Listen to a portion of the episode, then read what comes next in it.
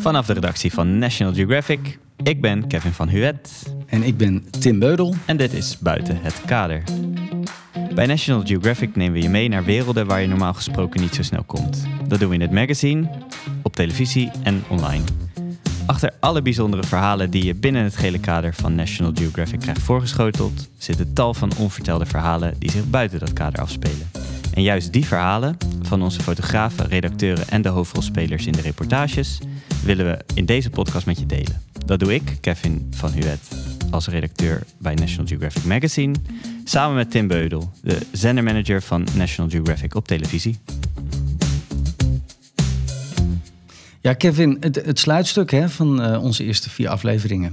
De laatste keer heb ik nog met uh, weinig middelen overleefd op de Hoge Veluwe... samen met de survival-expert Clemens Dish. Nog een tekenbeet opgelopen notabene, maar gelukkig weer helemaal hersteld. En vandaag staat in het teken van geheime genootschappen. Ook vanwege een special die jullie hebben uitgegeven, geloof ik.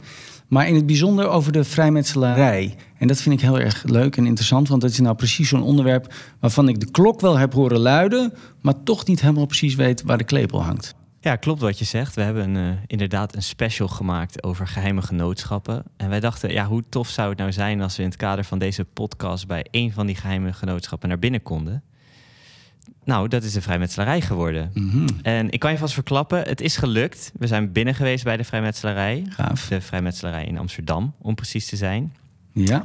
Uh, we zijn op bezoek geweest bij een van de zeven loges in Amsterdam. En een loge is dan eigenlijk een, ja, een soort afdeling binnen de vrijmetselarij. Mm -hmm. uh, maar ja, het is natuurlijk toch een beetje een onderwerp omgeven met veel mysterie.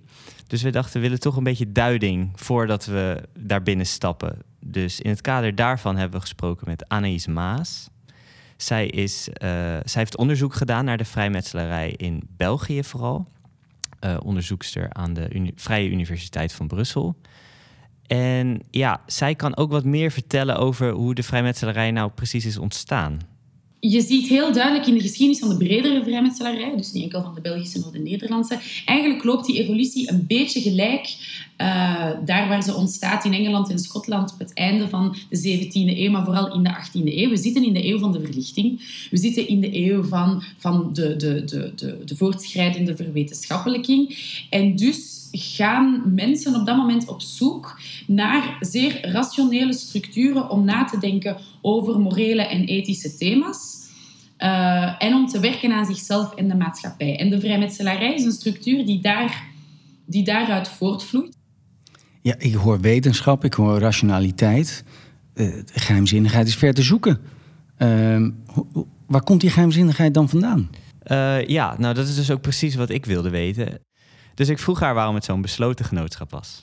Omdat ze lastig zijn voor machthebbers die het zelf heel moeilijk hebben met vrijheid en gelijkheid.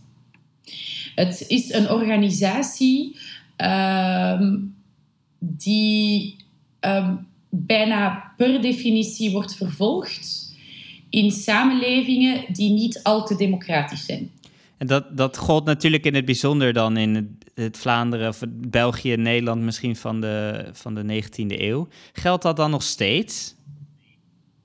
Wel, het ding is, het, in de 19e eeuw hè, zit je met, met, met een samenleving die wel democratisch is, maar waar dat je bijvoorbeeld, zeker in België, de heel sterke druk van de katholieke kerk uh, voelt. En dan heb je bijvoorbeeld uh, uh, de, de, tijd van de nazi-bezetting als ander voorbeeld. Heb ik daarmee gezegd dat we terug onder nazi-bezetting zitten? Nee. Wat, heb ik wel wat, wat, wil ik wel zeggen over de, de, de huidige maatschappij?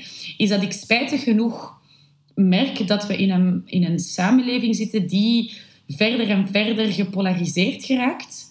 Waar social media Um, en, en, en, en bepaalde groeperingen die, die, moet ik zeggen, die gebruik maken van, van, van die polariserings- en propagandamogelijkheden. Um, dat zijn juist die hoeken waar uh, kritiek op organisaties zoals de vrijmetselarij komt. En die hoeken zijn, naar mijn bescheiden mening, niet heel democratisch. Ja, je ziet dus eigenlijk dat de vrijmetselarij toch altijd wel een beetje een ja, is ontstaan als een club van vrijdenkers. Hè? En je kunt je voorstellen dat er zeker vroeger dat niet iedereen daar even blij mee was. Dat machthebbers daar eigenlijk niets van moesten hebben. Mhm. Eh, en eigenlijk, eigenlijk zie je dat vandaag de dag toch ook wel weer een beetje. Dat als je het, als je het hebt over de vrijmetselarij, als ik jou vraag. Mhm. Wat is een vrijmetselarij? Ja, dan komt het toch al snel weer neer op. Ja, het is een beetje een, een clubje met allemaal vreemde rituelen en bepaalde. Ja, bepaalde ja. Het is toch altijd een beetje omgeven met een bepaalde mysterie. Eigenlijk weten we er heel weinig van natuurlijk. En ja, wat ook niet helpt natuurlijk, is dat de vrijmetselarij toch altijd een beetje een soort eliteclub is geweest. Hè? Het, het was dan niet per se een, een, een, politieke club misschien, maar er was wel heel veel overlap tussen mensen in de politiek en leden van de vrijmetselarij. Dus die elites waren natuurlijk ook vrij klein vroeger. Dus dat, dus dat er die lijntjes heel kort waren, is natuurlijk niet zo gek. Ja, ja maar toch, toch vind ik het interessant wat ze zegt over dat. Hè, ik begrijp heel goed dat ze een soort van gedwongen underground moesten beginnen. Hè, vanwege bijvoorbeeld uh, een totalitair regime waarin ze in zaten. Of de kerk die daar heel dominant uh, een oordeel over had. Dat ze zelfs het risico hadden dat ze vervolgd werden. Maar je zou toch denken dat dat tegenwoordig helemaal weg is. En dat er juist veel meer mogelijkheden liggen om uh, wel naar buiten te treden. Dus ehm, ik, ik vind het toch ergens vind ik het nog steeds een beetje ongrijpbaar waarom dat dan zo besloten moet blijven. Ja, ja, nou, ze treden ook wel degelijk meer naar buiten. Hè. Er zijn bijvoorbeeld tegenwoordig open avonden die je gewoon kunt bezoeken als geïnteresseerde of zelfs als potentieel lid. Uh, dus op een bepaalde manier treden ze meer naar buiten. Maar wat jij ook terecht zegt, is dat ze. Ja, dat hele, hele karakter van de vrijmetselarij is nog steeds behoorlijk gesloten. Maar dat is eigenlijk nou eenmaal de vorm die ze hebben gekozen. Hè? Ik bedoel, de hele vrijmetselarij is eigenlijk een beetje gebouwd op die pilaar van geslotenheid. Of beslotenheid, moet ik eigenlijk zeggen. Dus ja, om, om daar dan van af te stappen, dat is natuurlijk heel moeilijk als je organisatie daarop is gebouwd. Uh, maar ja, daardoor krijg je ook wel weer een beetje een soort zweem overheen van, ja, wordt daar niet van alles bekokstoofd? En uh, dat vroeg ik aan Anaïs. Maar wat mensen mij heel, heel vaak vragen is: ja, oké, maar dus het is een eliteclubje, dus daar moeten sowieso dingen bedisseld worden. En dan denk ik, het antwoord daarop is tweerlei. Enerzijds, tijdens de zittingen ben ik er redelijk hard van overtuigd dat dat niet zo is. En waarom ben ik daar redelijk van hard van overtuigd? Omdat de structuur van masonieke zittingen dat niet toelaat. De, de structuur van de rituelen laat het niet toe om gewoon even tegen je buurt te zeggen: hey, uh, zullen we dat bouwproject volgende week dan maar snel even regelen? Dat gaat niet. Maar de andere kant van de medaille is natuurlijk wel dat er heel vaak na logezittingen op café wordt gegaan of op restaurant wordt gegaan. En wat daar natuurlijk gezegd wordt, dat weet ik niet. Ja, het zijn het mensen. Het zijn het mensen, ja. ja. maar ze zegt dus eigenlijk dat binnen bijeenkomsten dat daar geen ruimte voor is. Maar ze laat het wel een beetje open wat er dan zeg maar nog buiten, buiten gebeurt. Hè? Ja, het is allemaal logisch, denk ik. Um, maar die hele mystiek en die symboliek, die, die mis ik nog wel een beetje in haar uitleg. Hoe, hoe gaat het er dan ben jij, ben jij letterlijk binnen geweest bij de vrijmetselarij? Ja, ik ben letterlijk binnen geweest. Dus misschien moeten we gewoon maar even luisteren naar Gerhard. Mm Gerhard is degene die ons heeft rondgeleid door de loge Nos Finxit Libertas. Dat is dus een van de zeven loges in Amsterdam. En wat ik net al zei, een loge is dus eigenlijk ja, een soort, uh, soort sociëteit binnen de orde van vrijmetselaars. Ja. Dus eigenlijk een soort van clubje er zijn dan zeven clubjes van vrijmetselaars in Amsterdam. Hm. Uh, de loge waar wij zijn geweest is ook al heel erg oud. Bestaat al heel erg lang, al sinds 1887. En ja, ze zitten in een prachtig monumentaal pand vlakbij het Vondelpark. Dus uh, ja, misschien moeten we gewoon maar even naar binnen gaan. Hey, goedendag. Goedemiddag. Ik ben Gerard. Kevin. Ja, Kevin, welkom bij de loge Noordzink zit uh, Bertas in Amsterdam. Dankjewel, leuk om hier te zijn. Ja, jij wilde hier even een kijkje nemen. Ik wilde hier even een kijkje nemen, ja, ja, ja. Wij zijn uh, een, uh, een inwijdingsgenootschap. Uh, en ehm, de broeders eh, van de loge die komen één keer in de week bijeen. Okay. Ehm, en dan ja, heb je in ieder geval twee, twee smaken. Ja, of we gaan een ritueel houden. En dat ritueel wordt over het algemeen gehouden voor een inwijding voor een bevordering, een inwijding tot lid van de loge. Ja. Ehm, tot een bevordering, ja, dat iemand een stapje hoger gaat. Je komt binnen als leerling. Ja, vervolgens uh, word je uh, bevorderd tot gezel. En uiteindelijk uh, verheven tot meester. En dat doen we eh, met een rituaal eh, in de werkplaats, die we zo dadelijk gaan eh, bekijken. De andere smaak is ehm, dat we, en dat noemen wij eh comparities. En de comparitie is eigenlijk een lezing. Dat noemen wij een bouwstuk. Maar ehm, ja, die, die bouwstukken die zijn wat minder eh, formeel.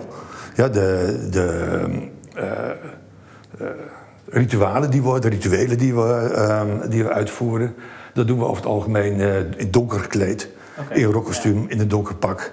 Ja, en dat gaat allemaal wat officiëler dan een comparitie. Want dan zitten we bij elkaar in een zaaltje en dan houdt iemand een lezing. Ja, ja, dat zijn best wel een hoop termen die even bij over worden hij zegt, ja, hij zegt heel veel in één keer. Waarvan ik ook denk, wacht even, wa- wa- wat, is dat allemaal eh, precies? Ja, ja, je moet het eigenlijk zo zien. Als je naar een avond gaat van de vrijmetselarij hè, als lid... Ja, dan, zou het, eh, dan zijn er eigenlijk twee mogelijkheden. Of er is een inwijding eh, Ja. van de leden. Hè? Dus of, of nieuwe leden kan dat zijn. Maar het kan ook zijn dat er bepaalde leden eh, een nieuwe graad krijgen. Hè? Dus eigenlijk een, een plekje stijgen op de ladder van de hiërarchie eh, binnen de vrijmetselarij. dat zie ik ook wel voor me. Hè? Als je het hebt over rituelen en mysterieën, dan, dan zie ik daar wel zie ik meteen een soort plaatje voor me. Want ze hadden leerlingen en dan gezellen, Gezellen en dan meesters. meesters. Ja, dus dat voelt ook heel hiërarchisch meteen. Ja, ja, nee, dat, dat klopt. En dat, de- ja, nou, bij zulke inwijdingsavonden spelen de rituelen ook gewoon een belangrijke rol. Hè? Dus eh, heel mystiek en alles. Ehm, maar daarnaast heb je nog de lezingen of de comparities, zoals, hij het, eh, zoals Gerhard het noemde. En dat zijn eigenlijk een soort van informele avonden waarin leden, dus eh, ja, leden van de vrijmetselarij, een, een soort verhandeling kunnen houden over een be- be- bepaald onderwerp dat ze aanspreekt. Dat kan echt van alles zijn. Dat kan iets persoonlijks zijn waarmee zij, waar zij tegenaan lopen in hun persoonlijk leven. Maar het kan ook over een onderwerp zijn als de opera. Ehm, Gerhard vertelde me dat er bijvoorbeeld eh, een comparitie is gehouden over Mozart. Nou ja, dan eh, gaan de leden. eh, nou, één lid houdt dan zo'n verhandeling, hè, zo'n comparitie. En eh, ja, dan wordt daarover gesproken daarna. Maar dat gaat dus helemaal volgens een bepaalde structuur. Het bijzondere van eh, wat wij dan een comparitie noemen, dat is eh, dat je geen discussie begint, maar dat je jouw mening naast die van de ander legt. Dus er komen geen twistgesprekken, die vinden dus niet plaats. Eh, maar je mag wel een, een verdiepende vraag stellen, ja, of jouw mening naast die van de ander leggen. eh, zodat we daar met z'n allen wijzer van worden. Want dat is de bedoeling Ja. van de vrijmetselarij. Hè? Dat we uiteindelijk er met z'n allen eh, beter van worden. Ja, En elkaar eh, daarin ondersteunen. Dan doen we dat in een broederschap. Ehm, kijk, er zijn- er zijn een aantal ehm, zaken die, ehm, die, die worden in, in principe worden die, ehm, eh, niet snel besproken. En dat is religie en politiek. Oké. Ja, dat is eigenlijk al vanaf de 19e eeuw.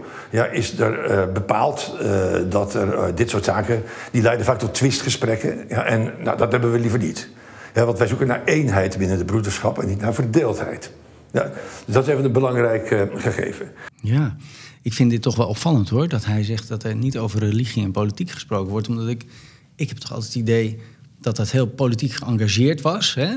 En, en bovendien kun je afvragen, goh, eh, is het zoeken naar eenheid, ja, dat is natuurlijk een heel mooi streven. Maar eh, diversiteit in meningen is natuurlijk net zo welkom, lijkt mij. Ja, nou ja, diversiteit in meningen wel degelijk. Eh, Dat is wel degelijk een heel belangrijk onderdeel binnen de vrijmetselarij. Hè? Maar zoals hij dat dan aangeeft, gaat dat niet door middel van een discussie, maar ja, door middel van het leggen van jouw mening naast de mening van een ander. Hè? Ja. Dus er ontstaat niet echt een discussie, maar alle meningen worden wel gehoord. Hm. En wat je daarvoor aangaf over ja, politiek, wordt er, wordt er veel politiek besproken dan? Ja, dat kan dus ook heel erg per land verschillen. Hè? In België, waar de katholieke kerk heel veel macht had, ja, daarin, eh, daar kwamen mensen juist samen om te, te sparren over politiek. Van ja, hoe, hoe kan het beter, hoe kan het anders? Hè? Heel, heel, heel liberaal Ja, eigenlijk. Ja, precies.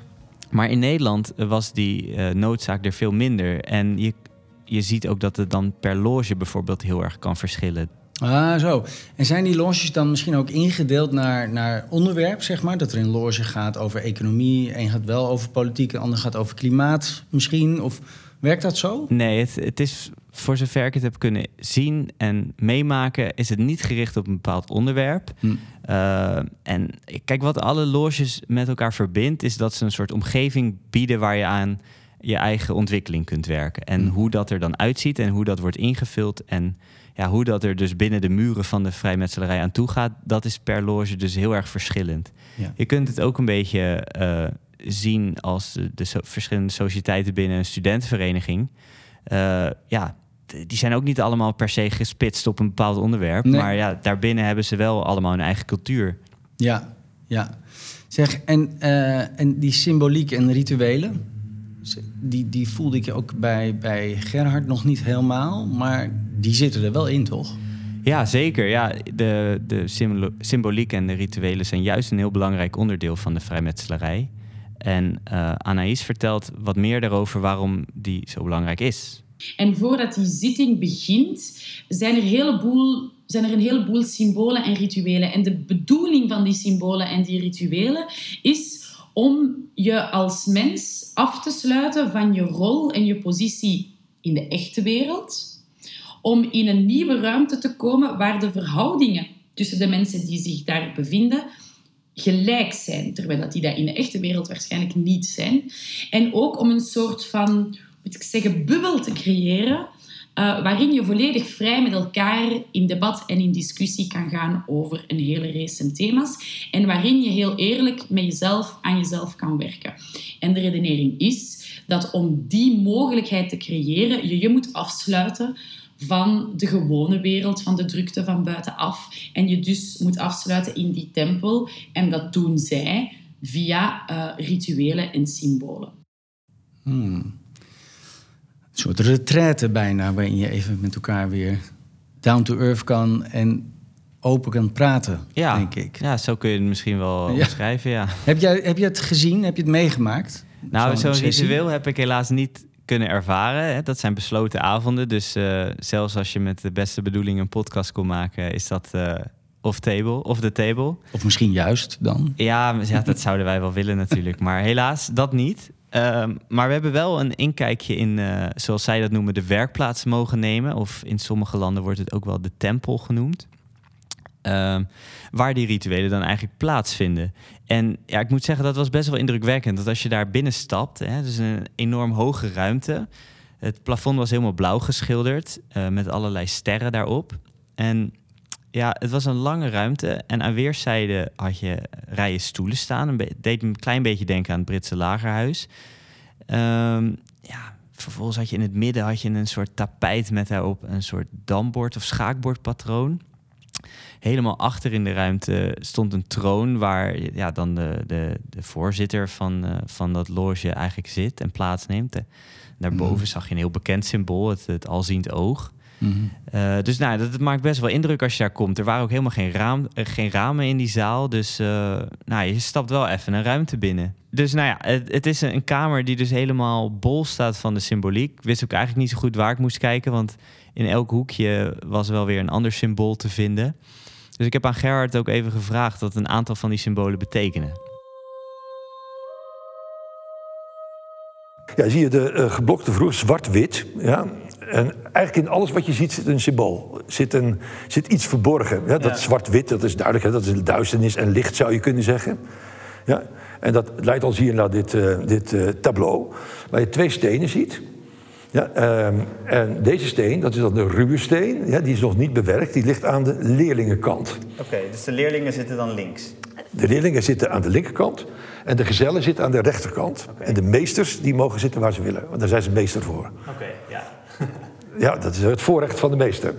Ja, en dan is de, in de symboliek eh, zien wij het zo dat je dus binnenkomt eh, als leerling. Ja, je werkt aan jezelf, ja, aan de ruwe steen. Je zorgt dat je die kubieke steen wordt. Ja. En ja, eigenlijk, eigenlijk is de, de grondgedachte als iedereen nu eh, aan zichzelf werkt. kijk, verbeter de wereld, maar begin bij jezelf, ja, zou je kunnen zeggen. Ja, dus je werkt aan jezelf en als iedereen dat doet, ja, dan zou je eigenlijk een betere wereld kunnen krijgen. Ik vind dit, dit, wat ik je nu uitleg, dat is eigenlijk de basis van de vermetselarij. Ja. Ehm, en ja, door die symbolen hier neer te leggen en af en toe ook te hanteren en te gebruiken, ja, eh, dat, dat eigenlijk versterkt dat ehm, eh, de waarde van het, eh, van het symbool. Ja, je merkt dus dat die symboliek wel degelijk een heel belangrijk onderdeel is eh, van de rituelen die dan binnen die kamer ja, worden gehouden. Uh, ja, ander deel wat heel belangrijk is, is de beslotenheid. Dus ik vroeg Gerhard daar ook naar. Um, ik, vind het, um, ik vind het een veilige omgeving. Ja, um, een, van de redenen is uh, waarom er hier in, in ja, beslotenheid uh, wordt, wordt gewerkt. dat is dat je ook je verhaal kunt vertellen. Ja, kijk, zeker in de comparities. Hè, dus zij voor, ik, ik, ik houd een, een, een, een, een bouwstuk, hè, ik vertel mijn verhaal. En ik deel allerlei persoonlijke dingen. Dan is dat niet de bedoeling dat dat op straat komt te liggen. Nee. Ja, dus ja, een van de redenen waarom wij dus uh, bekend staan als een organisatie die, waar niet veel naar buiten komt, dat is, heeft een oorzaak. En dat, een van de oorzaken is deze. Ja, ik, ik zit in een veilige omgeving uh, en met mijn broeders kan ik een aantal dingen delen die ik met andere mensen misschien wat minder snel zou delen. Wat er met de rituelen gebeurt, ja, dat is eigenlijk een ander soort verhaal. Ja. Dus eigenlijk is er feitelijk niet zo heel veel geheimzinnigs aan. Want je kunt heel veel rituelen. Ga je naar een tweedehands boekhandel, ja, dan garandeer ik je bij de afdeling van metselarij haal je zo die rituelen, kun je zo kopen. Het is natuurlijk een heel ander verhaal als je dat leest en je ondergaat het hier.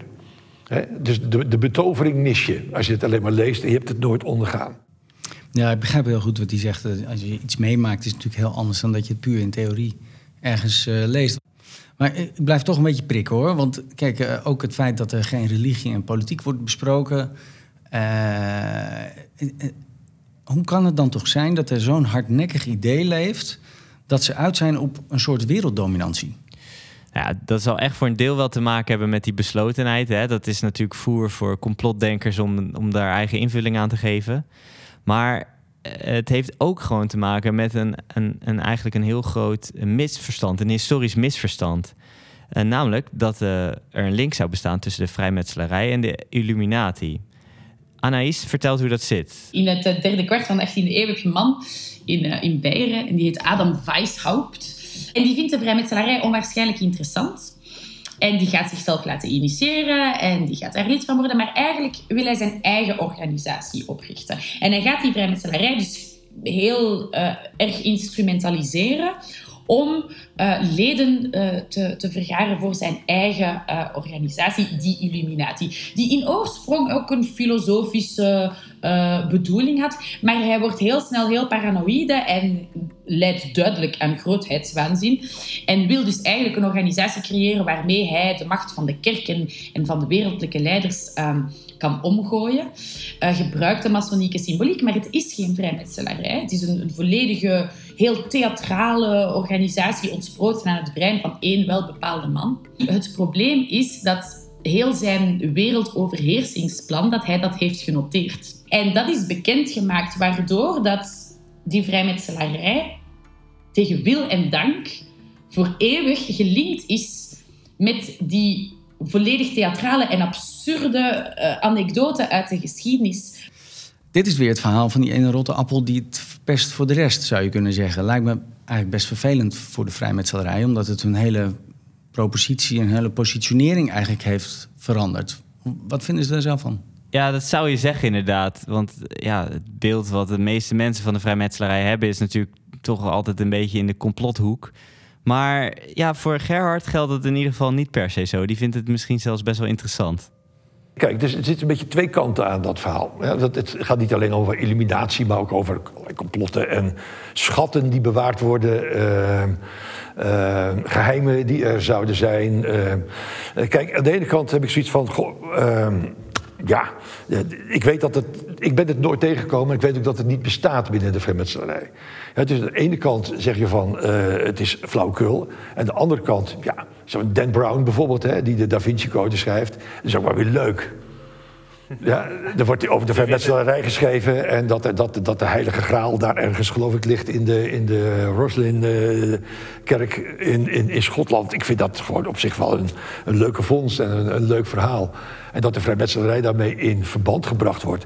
Ja, daar denk ik ook mezelf van. En we hebben toen een open avond gehad voor belangstellenden. Toen het boek uitkwam. En ik geloof dat wel 80 mensen hier in de, in de oh, zaal zaten. En die waren allemaal naar de vrijmetselarij gekomen. Want die hadden daar wel iets meer dus over weten. Je vindt het mysterie rondom de vrijmetselarij Ja, vind ik wel geestig. Vind ik wel, ja, ik vind het ook wel leuk. En ik moet je eerlijk zeggen, ja, ik wou dat het waar was. Sommige verhalen. Ja, dat daar inderdaad bewijzen zijn. Dat daar interessante, uh, de heilige graal daar ergens verborgen ligt uh, in die kerk. Plus alle werken van Livius en uh, veel meer andere geweldige literatuur door de tempeliers meegenomen. Ja, prachtig verhaal natuurlijk, maar het is niet zo. Nee. Ja, was het maar waar. Ja, was het maar waar, ja. ja nu, nu komen we wel op stoom, hè? Ik bedoel, de Tempeliers, Dan Brown. Nou denk ik, ja, nou begin ik het te herkennen. Maar het is toch wel een heel opvallende uitspraak, vind ik hoor. Want het imago van de vrijmetselarij is toch wel heel degelijk anders dus... dan dat ze daadwerkelijk eigenlijk zijn. Um, uh, en, en, misschien is dat wel het mystieke eraan, zit ik nu te denken. Ja, daar heb je misschien wel een punt. En ik denk, ik denk om überhaupt lid te worden van de vrijmetselarij... moet je dat hele mystieke natuurlijk, dat moet je ook wel aantrekken. Dus die link is er wel degelijk. Maar uiteindelijk is het denk ik toch vooral een plek waar mensen komen voor zingeving. En die symbolen en uh, rituelen spelen daarin natuurlijk een heel belangrijke rol. En die, die, die zorgen er eigenlijk voor dat je die, ja, die, die plek hebt waar je naartoe kunt komen. En waarvan je zeker weet dat uh, wat je daar deelt niet op straat komt te liggen. Maar eigenlijk, misschien kun je het gewoon nog wel best vergelijken met een soort liberaal kerkgenootschap of een uh, studentenvereniging. Dus besloten wel degelijk, maar geheim, dat valt denk ik wel mee. Dit was Buiten het Kader. Dank voor het luisteren. Een podcast van National Geographic. Deze keer hadden we het over geheime genootschappen. Wil je meer weten over dat onderwerp? Lees dan onze special Geheime Genootschappen. Te vinden op netgeoshop.nl/slash specials. Je vindt buiten het kader op de plek waar jij het liefst naar je podcast luistert. Wil je dat meer mensen horen over wat er achter de schermen bij National Geographic afspeelt? Review ons dan in jouw favoriete podcast-app. En alvast dank daarvoor. In deze aflevering sprak ik met Anaïs Maas. Zij is voormalig onderzoeker aan de Vrije Universiteit Brussel. Aan haar veel dank voor de duiding. En ik sprak met Gerhard van de Vrijmetselaars in Amsterdam, de loge Nos Finxit Libertas. En aan hem en de loge veel dank voor de gastvrijheid en de openheid om een kijkje binnen te mogen krijgen. Deze productie kwam tot stand door Cornelis van der Plas, redacteur. Cloak Audio Design voor het sound design, editing en mixing. En Sander Denneman, de producent van de podcast. En de presentatie werd gedaan door Tim Beudel en ik ben Kevin van.